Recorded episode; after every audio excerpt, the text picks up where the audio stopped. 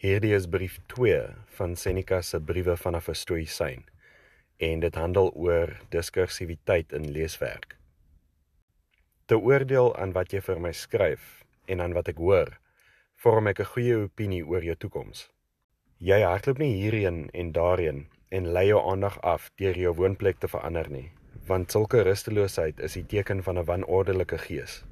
Die primêre aanduiding volgens my denke van 'n goed geordende verstand is 'n persoon se vermoë om op een plek te bly en in hul eie geselskap te vertoef.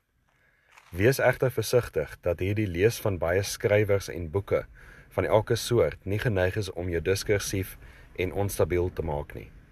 Jy moet tussen 'n beperkte aantal meesterdenkers vertoef en hulle werke verteer as jy idees wil aflei wat stewig gehou vas in jou gedagtes sal kry. Oral beteken nêrens. Wanneer 'n persoon al sy tyd op buitelandse reise spandeer, eindig hy deur baie kennisse te hê, maar geen vriende nie. Dieselfde moet geld vir mense wat intieme kennismaking met geen enkele skrywer soek nie, maar hulle almal op 'n gejaagde en haastige manier besoek. Kos help niks en word nie in die liggaam opgeneem as dit die maag verlaat sodra dit geëet word nie. Niks verhinder 'n genesing soveel as gereelde verandering van medisyne nie. Geen wond sal genees as die een salf na die ander beproef word nie. 'n Plant wat dikwels verskuif word, kan nooit sterk groei nie. Daar is niks so doeltreffend dat dit nuttig kan wees terwyl dit van een hand na die ander gegooi word nie. En in die lees van vele boeke is afleiding. Gevolglik, aangesien jy nie al die boeke kan lees wat jy mag besit nie, is dit genoeg om net soveel boeke te besit as wat jy kan lees. Maar, antwoord jy, Ek wil eers in een boek duik en dan in 'n ander. Ek sê vir jou dat dit die teken is van 'n oormatige eetlus om met baie geregte te speel. Want as hulle veelvuldig en uiteenlopend is, klei hulle maar voet nie. Jy moet dus altyd standaard skrywers lees en wanneer jy na 'n verandering smag, val terug op diegene wat jy voorheen gelees het.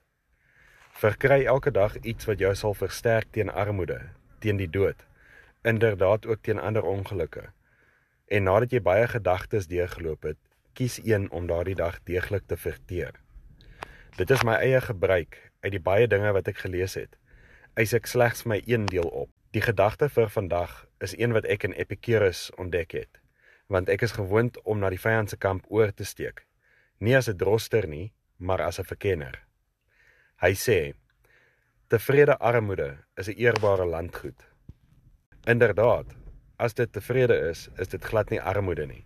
Dit is nie die man wat te min het nie, maar die man wat meer smag wat arm is.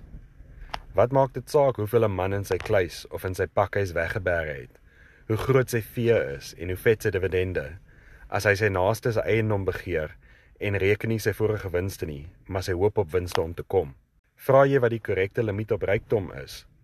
Dit is eerstens om te hê wat nodig is en tweedens om te hê wat genoeg is. Farvel.